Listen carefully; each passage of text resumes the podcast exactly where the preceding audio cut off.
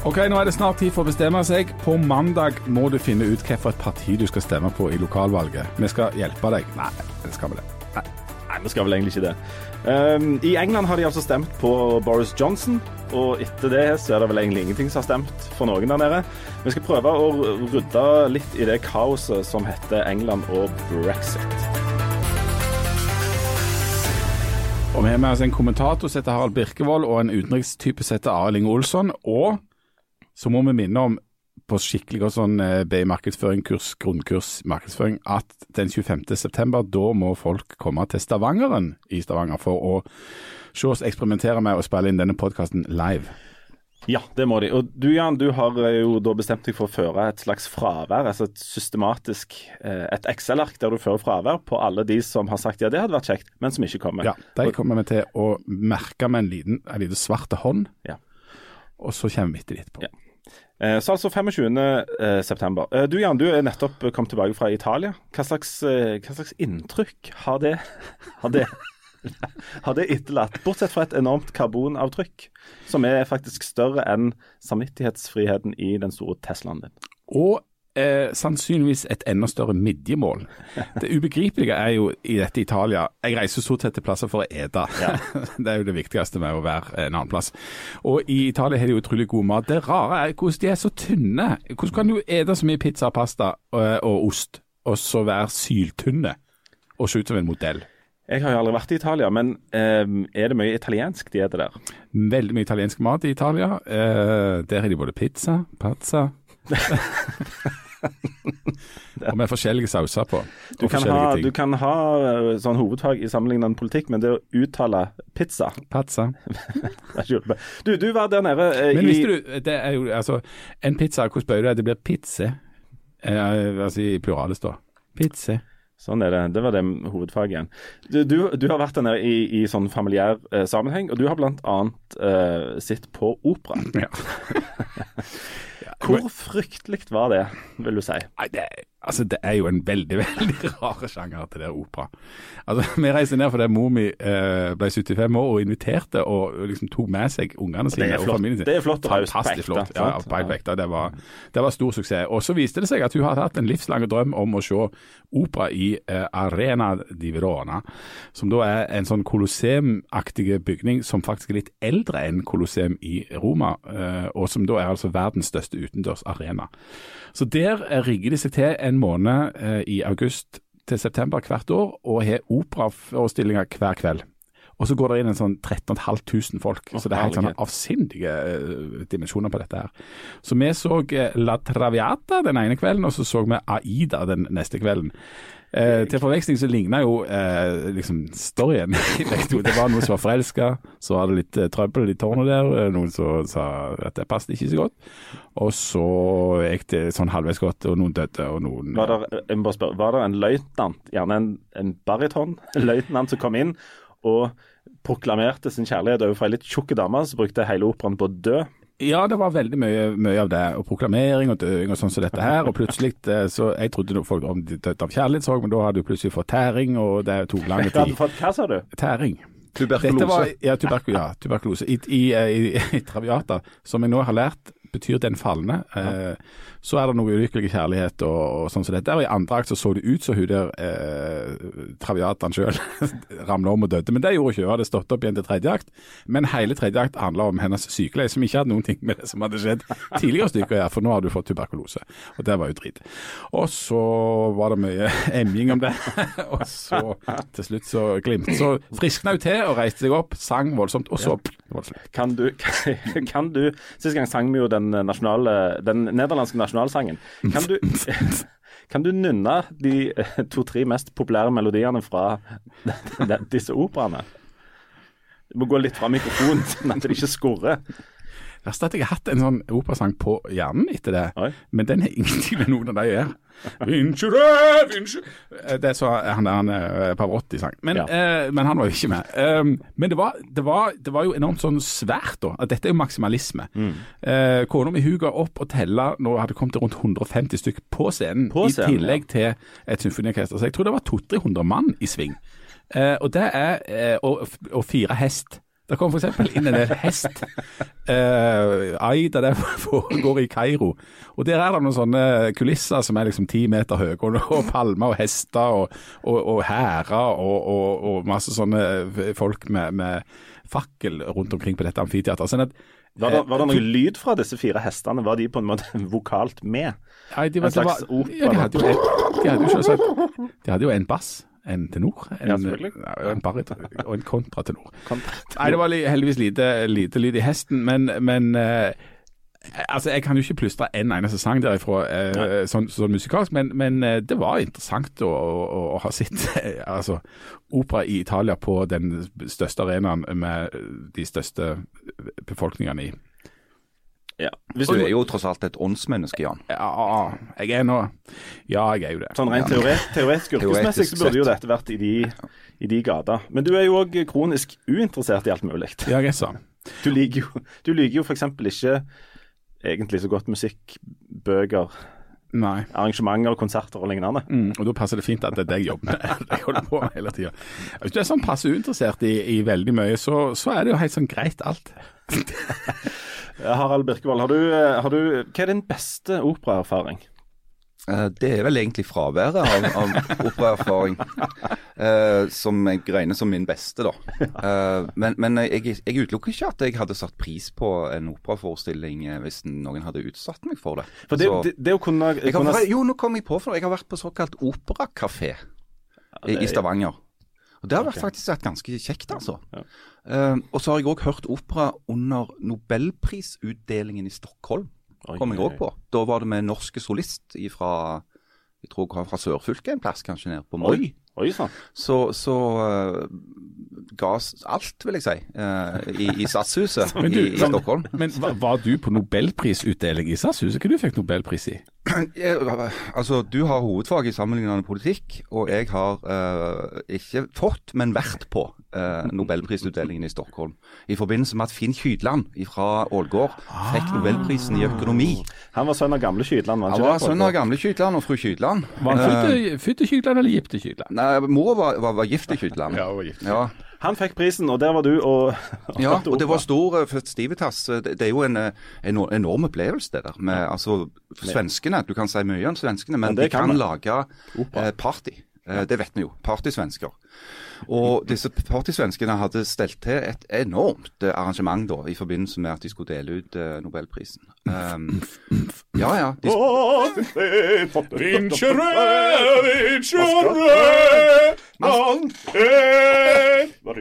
Alt dette hadde de, og mer til. Var det hester med i den operaen som du så på i Sverige? Der? Det var ikke hester, men eh, jeg danste med kona til den svenske statsministeren. Oi, oi, oi, oi, oi, oi, oi. Jeg må bare, der må jeg bare eh, si at jeg har sett deg danse med noen koner før, både egne og andre. Og det, uh. jeg lurer på hvordan tok den svenske Var statsministeren det fru Løven? Kan du fortsatt slippe inn i Sverige? Han var litt stram i maska. Löfven? han, han var det. Det var ikke Löfven, dette var back in the day. altså Det var en annen. Palme? Var det Palme? Det var ikke Palme. Det var ikke, nei, det var ikke Lisbeth. Lisbeth Palme. Nei, hva var det han het, han der karen da, som var svensk statsminister den gangen? Han var en litt sånn uh, anonym dude med litt sånn grå type med briller. Jeg synes som en typisk svensk statsminister. Ja, typisk, ja. La, du, eh, la meg bare eh, heller switche over på altså, Hvordan var denne kona å danse med? Riktig, riktig fin. Altså, Løs i bevegelsene. Ja, ja. Ledig og løs, og var veldig bra. Arild Inge Olsson, du er jo utenlandets mann. Du er jo glad i utlandet. Har du vært, eh, hvor mange land har du sett opera i i utlandet? Eh, Jeg tror ikke jeg har vært og sett opera i utlandet. Heller ikke i Innlandet, faktisk. Så for meg òg er det fraværet av operaopplevelser min største operaopplevelse. Akkurat. Her sitter da den norske kultureliten. og Den eneste som har vært på skikkelig opera, er da han som har hovedfag i sammenlignende politikk. Og la oss nå hoppe over litt fra eh, dansing med svenske statsministerfruer og hester i opera til nettopp politikk. politikk, Ja. ja. Og da overlater jeg ordet til deg, Jan, em, som da har eh, hovedfag i sammenlignende politikk fra Universitetet i Bergen. Vær så ja. Jeg tenkte jeg skulle holde et kort foredrag over pensum der. For eksempel ikke. Jeg foreslår at vi hopper rett over på, på det som skjer på mandag, nemlig at det skal velges. Og hvem skal vi velge? Det var det jeg tenkte skulle holde det foredraget. Ja. For, for jeg tenkte det er løye, for at På mandag så skjer det jo. Da, da er det ingen bønn. Da må folk møte opp og, og stemme hvis de ikke er veldig rare. Mm. For det er helt feil å ikke stemme, sant, Harald Birkevold? Ja, altså det er jo en, eh, det er jo en rett du har, da, å la være å stemme. Eh, og det statistikken viser at det er en rett som ca. 40% av oss benytter oss av. Så det er det største partiet? Det er hjemmesitterpartiet? Ja, det er klart største partiet er de, eh, de Blank, eller eh, hjemmesitterpartiet, ja. Er ikke det litt s- samme retten som ikke tørker seg i rumpa etter du har vært på do? Ærlig talt. Det er jo en plikt. Det er jo Vel, eh, jeg er ikke sikker på om den Jeg tror den sammenligningen halter litt. da. Men, det at- men det å stemme kalles jo også en borgerplikt. da. Ja, det kalles en borgerplikt, men det er jo ikke det. Eh, men jeg syns personlig at eh, det er grunn til å stemme av minst to grunner. Det ene er at eh, hvis du ikke stemmer, så har du ingen innflytelse på hvem det er som bestemmer over deg. Og Det andre er at det er en slags feiring av at vi bor i et demokrati. For tida er det det de kaller helt frie valg i ca. 50 land i verden. Eh, vi er et av de. Det er omtrent 200 land totalt. Det er et sjokkerende lavt er tall. ja. Ja, det kan du si. Eh, samtidig så er det jo altså det er jo lyspunkter. Det, er, altså, verdens største demokrati, India, har eh, 1,2 milliarder innbyggere. Har uh, helt frie valg. Ok, Men nå skal vi velge her på Bjerget, Jan. Jeg, Ja, og da, ja, for ting, tinget der er en annen ting forresten, Hvis du ikke stemmer, så kan du heller ikke klage etterpå. Da har du ikke vært med. Og, ja. Men, men jeg, for dette, jeg er rett og slett litt uh, spent på hva det er som avgjør hva folk stemmer til slutt. Fordi at I gamle dager når kommer foredraget, så stemte du det som foreldrene dine stemte. Når det ble innført på en måte stemmerett. Og så stemte du eh, etter hvert, eh, eller så stemte du klasse. Hvis du var arbeider, så stemte du på en måte på venstresida, og så hvis du var eier av et eller annet, så stemte du på høyresida. Og så etter, på, det tidspunkt så begynte folk å bryte det der mønsteret. De, de stemte ikke bare sånn som familien hadde stemt, og sånn som tradisjonen var, og at du kunne peke på at ja, hvis du er født der, på den plassen, i den klassen, så stemmer du akkurat sånn. Så det, ting ble veldig forvirrende. Eh, og Harald Birkvold, jeg forventer ikke at noen av oss skal si akkurat hvilket parti eh, de eller vi stemte på, men du var og stemte her om dagen. Og da, hva var det som avgjorde da? Er det ideologi, partiet, politikere, taktikk? Eh, Om det er byen, eller om det er fylket? Altså, eh, ja. Ja, det er et godt spørsmål. Uh, altså, Jeg var litt sånn i tvende sinn, jeg, så det heter, helt til jeg gikk inn i det der avlukket, egentlig. Og jeg stemte jo på to forskjellige partier. Eh, Et jo- parti i kommunevalget og et parti i fylkesvalget. Hvorfor i all verden da? Nei, for det at jeg tenkte at det eh, partiet jeg hadde, ville stemme på i kommunevalget, ikke ville være særlig smart å stemme på i fylkesvalget. Uh, Ut ifra hva uttelling jeg tror jeg ville få. For liksom, hvor mye Altså jeg vil få i, ja, på investeringen, kan du si. Eh, dessuten så er det sånn at jeg, det er liksom ikke ett parti hvor jeg føler at jeg uh, kan krysse av i alle boksene og si at dette er mitt parti. Uh, så, så jeg tror at når jeg gikk og stemte, så, så var det med utgangspunkt i en blanding av alle de tingene du sa. Litt sånn ideologi, litt temperament, litt partiprogram. Og så tviler du deg fram til det som er det, det, det minst dårlige alternativet, eller det, det ja. Hvor, mange alternativ hadde du da? Sto det liksom mellom to? Vi, vi har jo, de fleste av oss har jo en retning eller en fløy. Enten litt sånn på den sida, midten, eller på den sida. Mm. Hvor, mange alternativ- hvor mange partier kunne du med samvittigheten i behold på en måte stemt på i år? Jeg, har, uh, jeg er ikke helt, helt sikker på det. Uh, men siden jeg hadde lov til å begynne å stemme, så tror jeg at jeg har stemt på fire eller fem forskjellige partier i, altså i mitt liv. Eh, og nå har jo jeg kunnet stemme i hvor lenge? Litt over 30 år. Delt på to. 15 ganger har jeg stemt, sånn cirka. Uh, og I løpet av den tida har jeg stemt på ja, kanskje fem eller seks forskjellige partier. Men det har jo gått i altså Det er jo i en på en måte retning. Det, det, er, ikke, det er ikke fullstendig sprikende. Det er det. Hvordan kan du finne seks partier som går i samme retning i dette landet? da? Ja, altså, retning i videste forstand. da. Altså, det, det, er, det er noen partier jeg aldri har stemt på, og sannsynligvis aldri ville stemt på heller. Um, men men jeg, har, jeg har aldri liksom følt meg sånn partipolitiske, i den forstand at jeg har liksom adoptert et program og sagt dette er mine folk, liksom. Det, det har jeg ikke. Hvor mye, hvor mye betyr da uh, personene Jan, Du har ikke reist deg ennå. Nei. Hvor mye, hvor, hvor mye betyr politikerne sånn personlig for hva du stemmer? Er det noen som er helt sånn tørna, for du tenker jeg skulle gjerne stemt på de, men han gjøken der, eller hun gjøkinnen, heter det gjøkinnen? Ja. Eh, de, Fru Gjøk. fru, fru gjøk, det, det er bare det er en sånn deal-breaker. Det hjelper hvis du føler at det er gode folk. Ehm, jeg har òg i min eh, karriere holdt på å si, stemt på tror jeg, fire forskjellige partier. Uh, og har vingla ganske godt. Og så har jeg etter hvert med mitt uh, voksende hovedfag i sammenheng med politikk, prøvd på, på en måte å ha noen oppgjør med meg sjøl og, og, finne ut ja, hvem, altså, hvor er du hen. Og så, så jeg har prøvd å tenke litt sånn prinsipielt, prøve å plassere meg i, i dette partilandskapet basert litt på ideologi og på eh, gemytt, holdt jeg på å si. Eh, og så har jeg prøvd å tenke helt sånn fritt og prinsipielt, og så har jeg tenkt at i praksis, praktisk politikk så går det ikke an nødvendigvis å stemme helt sånn uh, prinsipielt, for da fjerner du deg såpass fra virkeligheten at det holder ikke, da. Så du må justere for virkeligheten. Um, og så har jeg i min glidning da endt opp med å være ganske stabile i de siste åra. Jeg har stort sett stemt på det, på det samme partiet uh, en stund nå, etter å ha glidd voldsomt uh, før.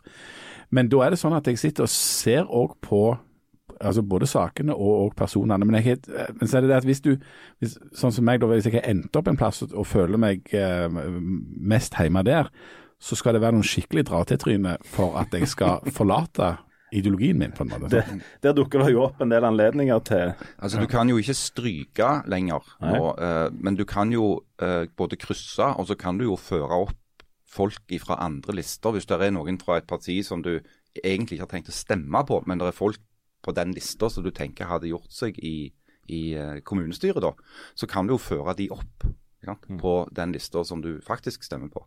Det gjorde jeg. Du gjorde det, ja? Jeg gjorde det. Tror, du, tror dere folk bare helt kort forstår det systemet? Er det mange som bruker det? Er det lett Det er en del som bruker det. Altså, I siste valg uh, i Stavanger i, uh, 2015, så var det jo folk som kom inn i uh, bystyret den gangen uh, pga. at de hadde fått mange personstemmer. noen av de hadde blitt ført opp på listene til andre partier. Så, så det går an.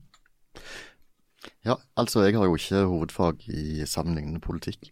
Men hvis vi ser litt på idéhistorien her, helt kort, så er det vel sånn at uh, det skjer noe på 80-tallet, kanskje allerede på 70-tallet. Da begynner folk å stemme uh, etter mer sånn kortsiktig gevinst. De tenker på sin egen lommebok når de stemmer, istedenfor på hvor de kommer fra og hvem de er, og hva som er den ordne ideologien i Sauda eller Stavanger, eller hvor de nå kommer fra. Og det syns jeg er litt trist. Jeg tror vi tapte noe med det, når folk begynte å stemme for å få bitte litt lavere skatt, eller bitte litt uh, lavere bompenger, eller uh, høyere bompenger, eller hva det måtte være. Jeg syns folk skal, skal, tenke over hva slags samfunn vi vil ha, hva slags retning vi vil at det skal gå i når de stemmer. Det tror jeg er det viktigste. For det er jo mange som gjør det òg, da. Heldigvis. Ja, ja. Men det er, også, er det jo altså det er jo det som vi ser nå, altså at det, eh, det vokser jo fram da parti som er veldig sånn, mye sånn ensaksparti. Det er jo de som er i vekst, det er ikke det denne helhetspartiet. Mm. Eh, Helhetspartiene eh, som ligger sånn i, midt i midten der og har styrt, altså type Høyre og Arbeiderpartiet, eh, de er vel de som er mest knepne med en del av disse løftene, fordi at de vet at de må finansieres. og Da må du si sånne kjedelige ting som at hvis vi skal løfte opp noe der, så må vi kutte på noe annet. og Det er liksom ikke ubegrensa med, med, med, midler. sånn at det, og Da blir du mer upopulær enn hvis du sier at nei, vi skal bare nå fikser vi det veldig enkelt, dette her. Men, men, men altså. Høyre og Arbeiderpartiet både lokalt og nasjonalt, eh, vil jo ikke kunne få makt uten at de samarbeider med partier som har eh, ganske mange dyre ønsker. Sånn at eh, Hvis du ser f.eks. på regjeringen Solberg, så har jo de Når Erna Solberg er alene og representerer Høyre, så kan hun ha dype rynker i pannen og være bekymra for de langsiktige kostnadsbildet og hvordan de skal finansiere dette gildet. Og Så går de i, i, forhandlinger for å få et nytt parti inn i regjering, og så sitter milliardene veldig løst. Sånn at det, det der ryktet om at uh, Høyre og Arbeiderpartiet er så mye mer ansvarlige økonomisk enn de andre, det er jo behefta med ganske mange ja, uh, mangler. da. Og Det er jo noe av problemet òg når en skal velge. da, fordi at Du kan alltid mene eller være enig med et eller annet parti, men så kommer det altså den X-faktoren at dette partiet må samarbeide med noen andre parti. Så du er jo ikke helt sikker på hva du faktisk får. Og, og den regjeringa, du har helt rett i det, eh, bruker penger som om de skulle vært nøyaktig på den venstresida som de selv eh, har kritisert for for mye pengebruk. Eh, eller som de kritiserer på en måte eh, den andre sida for. Da. Og Da er det vanskelig å vite som velger. Ja, skal du da stemme på Høyre hvis du var for på en måte å holde igjen, eh, når de bruker mer penger omtrent enn noen andre regjering tidligere? For meg har det vært en kamp, og det er det hvert valg hva jeg skal stemme på. Jeg har òg til sammen stemt på tre-fire forskjellige partier. Jeg har bestemt meg for hva jeg skal stemme nå i år. Og Hvis vi nå tar dette ned til det lokale nivået igjen, så er det jo sånn at vi vet jo faktisk ikke helt hva som kommer til å skje. Altså Hvis du stemmer på et parti på den ene sida, så vet du ikke helt hvem de ender opp med å samarbeide med, og det samme på den andre sida. Fordi at uh, det er partier typisk i midten som kommer til å vingle enten hit eller dit, i noen kanskje ganske store hestehandler. Så vi vet faktisk ikke helt hva vi går og stemmer på på mandag. Jeg har et ufravikelig krav når jeg skal stemme. Det er at jeg, jeg vil ikke stemme Jeg nekter å stemme på politikere som jeg som jeg mistenker er mindre intelligent enn meg sjøl. Noe som gjør at jeg egentlig kan stemme på de fleste. Da er det jo veldig mange å stemme på. Eller ikke stemme. Jeg har, jeg har hele feltet å spille på. Nei, men, men det er, er, ganske mange forskjellige typer politikere. Du har de der som er på en måte uh, artige og kjappe i replikkene og, og er, har veldig mye sånn med seg. Og så har du noen sånne litt sånn som oppfattes som mer sånn trauste og ordentlige og sånt. Um, hva tror dere disse politikerne har mest å vinne på? Er det å være, ha et sånt voldsomt vinnende vesen, eller er det å være en sånn litt mer sånn Einar Gerhardsen-type? Han var jo, hadde sikkert et vinnende vesen, han òg, altså. Jeg tror det handler veldig mye om hvordan, den, altså, hvordan situasjonen faktisk er. Uh, der som disse politikerne stiller til valg. I Stavanger, da, f.eks.? Ja, altså I Stavanger så eh, tror jeg at sånn som situasjonen er akkurat nå, så har eh, personlighet en del å si. Um, jeg har ment, jeg har også skrevet, at jeg, jeg tror at venstresida i Stavanger sitt beste argument i denne valgkampen har vært rett og slett at det er nok med 24 år med Høyre. Altså rett og slett at skal vi ikke bare prøve noe annet? Uten å si noe veldig konkret om hva de har tenkt å gjøre, så kunne de bare kjørt på med det argumentet at det holder, nå må vi prøve noe annet. Og I en sånn situasjon, hvis du vil folk til, til, å stemme på noe annet enn det de pleier, så bør du nok sannsynligvis ikke bare være en sånn traust styringspolitiker, men du bør, bør liksom by litt på. da. Mm. Um, og Et eksempel på en som prøver på det, er jo f.eks. Mimir Kristiansson da, fra Rødt, som, som, kom tilbake til Stavanger uh, og, og, visste at Rødt var inne i en sånn historisk medgangsbølge i Oslo. Uh, men han har nok òg møtt virkeligheten i Stavanger litt. Det at det, det, er liksom ikke så mange av den typen velgere i Stavanger som er villige til å bare lukke øynene for eh, de økonomiske realitetene, f.eks. Eh, så, og det, det gjør at det, det, blir litt sånn OK, utspillene kommer, de er artige, han får oppslag, men det er ikke sikkert at tilstrekkelig mange eh, velger Rødt allikevel. Eh, selv om du, du, ser jo allerede en effekt, da, som sikkert er en blanding av en sånn Mimir-effekt og en mer sånn generell trend i politikken. At eh, Rødt kommer jo til å styrke seg. De kommer til å komme inn med tre eller kanskje fire eh, mandater i bystyret. Og det er jo en markant økning. De har jo én i dag. Men er ikke egentlig en stemme på Rødt en stemme på Arbeiderpartiet? Jo, altså det er jo det. De har jo sagt at hvis vi får flertall, så vil vi liksom danne et flertall sammen med Arbeiderpartiet og SV. Men så er det jo spørsmål hvor mange andre de klarer å få med seg. da. Og der er det andre takt. Du Jan, snakket om, om uh, å stemme på en måte taktisk. Um, skal vi tenke sånn da, at jeg kan ikke Eller jeg, hvis jeg stemmer på det partiet, så stemmer jeg òg på det partiet og liksom den fløyen. sånt. Og ikke minst den motsatte. Jeg kan ikke stemme på de fordi at de stemmer samarbeider med de. Eksempel, eh, eh, hvis du er tilbøyelig til å stemme på Venstre, da, så kan gjerne den tanken slå inn. Jeg, kan, jeg, kunne gjerne stemt på de, men da stemmer jeg i realiteten på Frp. Da stemmer jeg på, heller på noen andre. Ja, Det var jo nok et argument for at mange lot være å stemme Venstre ved forrige stortingsvalg. Så er jo problemet når du skal drive med sånn taktisk stemming, at du stemmer på en ligning med kolossalt mange ukjente. Så du vet ikke hva som er regnestykket. Så det ligger hele tiden risiko der for at du stemmer på noe som fører til noe annet enn det du hadde tenkt, eller at det ikke har noen effekt i det hele tatt. Og Det er litt derfor jeg har endt opp ofte med å, å ikke prøve å stemme taktisk, men å prøve å stemme ja, egentlig så ganske sånn ideologisk da, til slutt. Du så jo et eksempel på, på dette i forrige stortingsvalg, hvor det var nærmest en slags aksjon på høyresida for å få f.eks. tradisjonelle høyrevelgere til denne gangen å stemme Venstre, mm. for å sørge for at de kom over sperregrensa for å holde på det borgerlige flertallet i Stortinget. Så, så noen ganger så kan jo en sånn aksjoner faktisk fungere. Men er det noe sånn på gang nå i, i uh, vårt område, altså enten i Stavanger eller Sandnes? Nei, jeg, jeg, ikke sånn at jeg har hørt om, men, men, eh, det kan jo godt tenkes at det er noen som tenker på den måten. Uh, det som nok er Hvis vi snakker om Stavanger, så er jo situasjonen den at eh, det er helt åpent.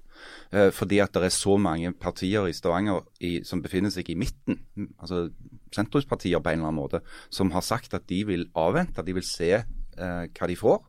Og så vil de benytte den kapitalen de har i forhandlingene eh, med begge sider.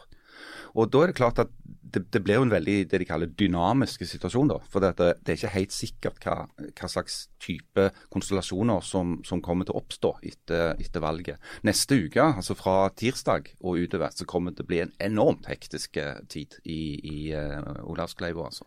Men det samme gjelder jo for Sandnes. Der òg er ja. det helt sånn dødt løp. Mm, så ja. I begge disse byene så er det enormt spennende, og mer spennende enn noensinne. Og mer uoversiktlig. Ja, det er det. For det at den siste målingen som, som Aftenbladet presenterte nå før før helgen, var jo at eh, flertall, dagens flertall i Sandnes, som består av Fremskrittspartiet, Arbeiderpartiet og Senterpartiet, trenger, flere, trenger hjelp for å, for å holde på makta.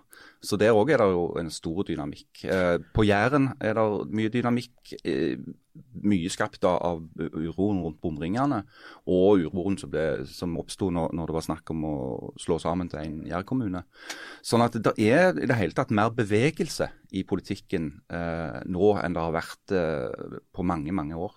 Og Sandnes er vel et godt eksempel på at det der med å stemme taktisk, det, du kan prøve, men det gjør man ikke så lett her. Altså, når, når Arbeiderpartiet Senterpartiet og Fremskrittspartiet plutselig sitter med makta der, mm. så er det nok mange som har stemt på f.eks. på en av de, men som overhodet ikke har stemt på noen av de andre. Ja. Mm. Som gjør det vrient. Ja, ja.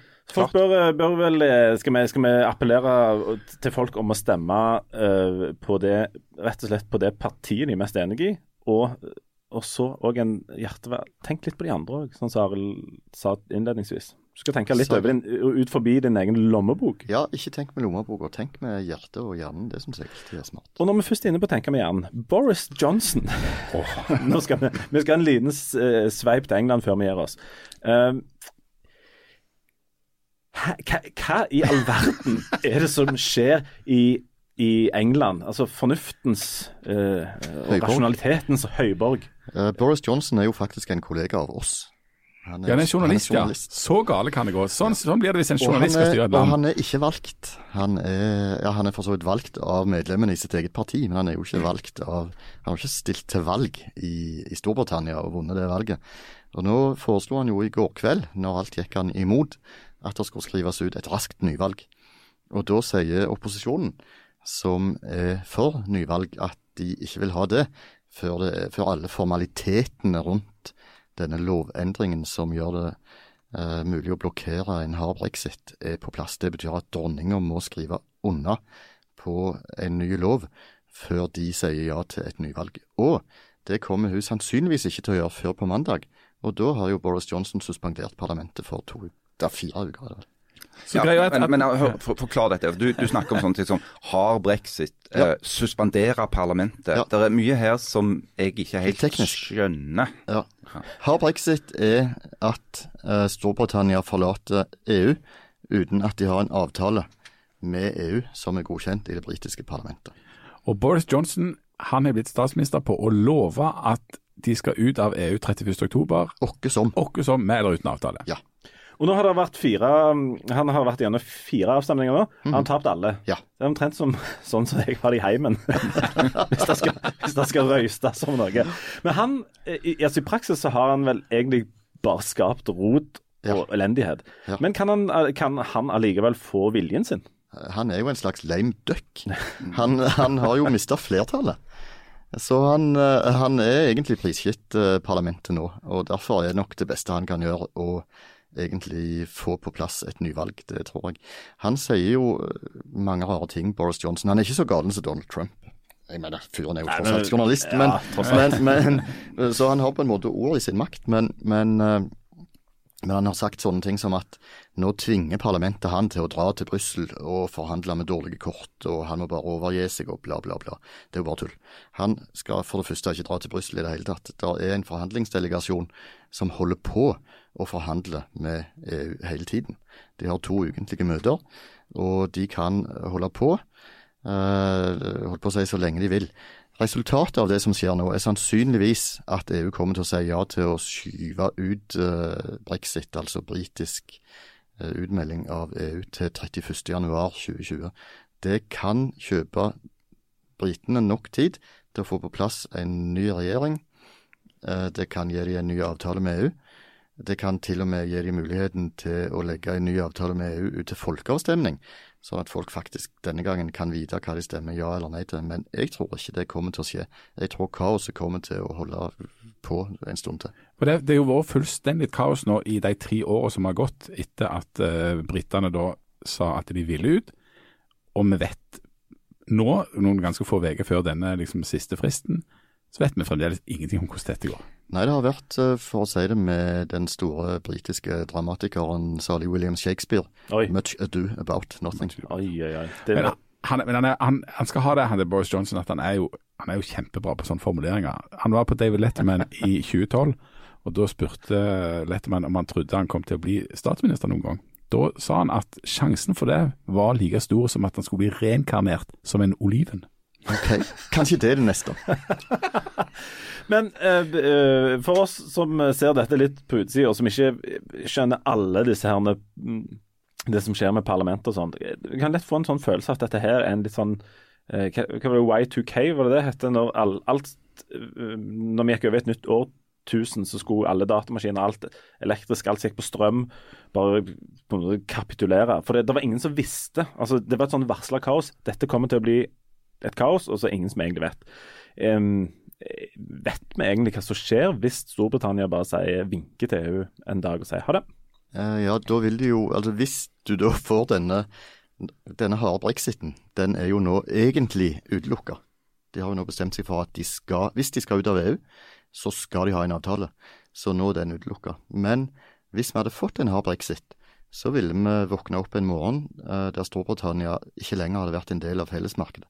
Det ville annet gjort at de hadde hatt en såkalt hard grense på Irland, nemlig mellom Nord-Irland og, og republikken i sør. Ja, eh, men det, det er jo sånn De tenker ok, hvis de melder seg ut av EU, sant, så blir det økonomisk kaos fordi at eh, import og eksport blir ramma veldig hardt. Og, og den britiske økonomien er veldig åpen sant, i dag. Eh, den er helt avhengig av å importere og eksportere varer i et bankende kjør. Eh, fordi at de krysser landegrensene som på en måte i EU ikke eksisterer lenger. Det vil bli et kaos, sier mange. Men så er det jo sånn at vi i Norge som, som sitter her og ikke er med i EU, eh, men har en handelsavtale med EU, ser at det fungerer jo på et vis. ikke sant? Sånn at Hvis det er sånn som så, Arild nå sier, at en hard brexit der de bare går ut uten noen helst avtale, er ja, ikke lenger er realistisk, så, så vil de jo få en eller annen form for avtale. Jeg, jeg tror ikke personlig at den britiske økonomien kommer til å gå ned i flammer pga. at de ikke er med i EU. Men det er klart en situasjon uten en noe som helst avtale, med, med fullt kaos og køer på grensene og ingen avklaring i Irland, det ville ført til kaos. Norge. Norge er jo med i markedet. Vi er Altså, vi er jo en del av EU på nesten alle måter, unntatt den politiske. Ja, men det er jo det, brit det britiske altså Nå er det til og med flertall i parlamentet for en sånn ordning. ikke sant? Og Da tror jeg ikke det lenger på at det kommer til å, gå, altså det kommer til å bli liksom hungersnød. Nei, det kommer ikke til å skje. Nå, det, det er det de har gjort nå. De har tatt no, de har tatt no deal brexit, hard brexit, av bordet, Ja. Men, men parlamentet har vel til nå bare vært enige om hva de er imot. De har jo ikke blitt enige om noe de er for. Nei, og Problemet er jo at eh, de to store partiene i Storbritannia, uh, Toryen, altså det konservative partiet, og Labour, altså Arbeiderpartiet, de er jo ikke enige med seg sjøl. Det er jo eh, tilhengere av brexit og motstandere av brexit i begge de partiene. Igjen, dette høres litt ut som det, sånn som det er hjemme hos oss på tirsdag. Ingen er enige med seg sjøl. Eller det høres litt ut som partiet Venstre òg, kanskje. Ja, og alle, ingen er enige med seg sjøl. Det eneste folk er helt sikre på, at det er at de er veldig uenige med de andre, som da ikke vet helt hva de mener. Men eh, sånn er det. Hvis dere måtte velge hver, altså, Hvis dere måtte velge hver dag, så måtte dere bruke to timer på enten høre på opera, eller bare sitte og stirre på et bilde av Boris Johnson. Hva ville dere valgt? Jeg, jeg tar operaen uh, Any Day, altså. Og da jeg, jeg må tilstå at jeg har faktisk noen uh, Jeg har noen LP-plater, vinylplater med opera hjemme. Oi. Som jeg av og til har eh, hørt på. Gjerne hvis jeg skal tørke støv eller vaske gulvet eller noe sånt. Så er det et fint alternativ til heavy metal. Ja, det ser jeg. Jeg, jeg ville òg valgt opera, spesielt nå etter å ha vært ved Verona Quest og, og hørt på eh, opera og, og pasta. og pizza. Ja, altså jeg jeg, jeg er ikke så negativ til opera som dere andre. Jeg syns opera er ganske fint. nå har det gått Hørtes jeg negativ ut, opera? Ja. Nå har det gått en Det halvtime fra alle med, alle med Dere i hvert fall satt og lo og humra av opera. Det beste som har skjedd i livet mitt, at jeg ikke har hørt opera. Nå plutselig er dere operaelskere alle. Jo, men herlighet, hva valg var det du ga oss? Stirre i to timer på et bilde av Boris Johnson, Men eller det er- høre på Men hør, det er utrolig mange, det er utrolig mange gode bilder av Boris Johnson. Altså, Du sa bare ett. Nei, nå, altså. Hvis, hvis vi kunne sett på en rekke forskjellige bilder av Boris Johnson, så ville det jo forandre seg fullstendig, dette Hva slags bilder av Boris Johnson er det du har, som du gjerne vil sitte og se på? Er det det der han henger i en stropp oppi med en sånn hjelm på seg? Ja, det er veldig flott. Og der er, jeg anbefaler folk å google uh, Boris Johnson, bare se på bildene, for det er, det er stor underholdning. Eh, og når vi snakker om stor underholdning, 25.9. i Stavanger. Uh, Jan har begynt å føre fravær. Hvis dere, er- eh, jeg tror vi gjør det sånn at eh, de som ikke kommer, må gi beskjed. Ja. Husk å gå inn og faktisk eh, løs billett, eh, sånn at eh, Jan vet hvor mange kanelsnurrer han skal bake. Og så eh, tar vi det derfra. Eh, som avslutning i dag så uh, får dere uh, Jan Å, sale mio! Jeg kan ikke teksten. Nei, men hvis du fortsetter å synge litt, eh, så skal jeg lage lyden av Jan som spiser da pazza, var det det du kalte det, i Italia. Så får dere kombinasjon av uh, spise pazza og opera. Så snakkes vi uh, neste uke. Godt valg. Sole mio,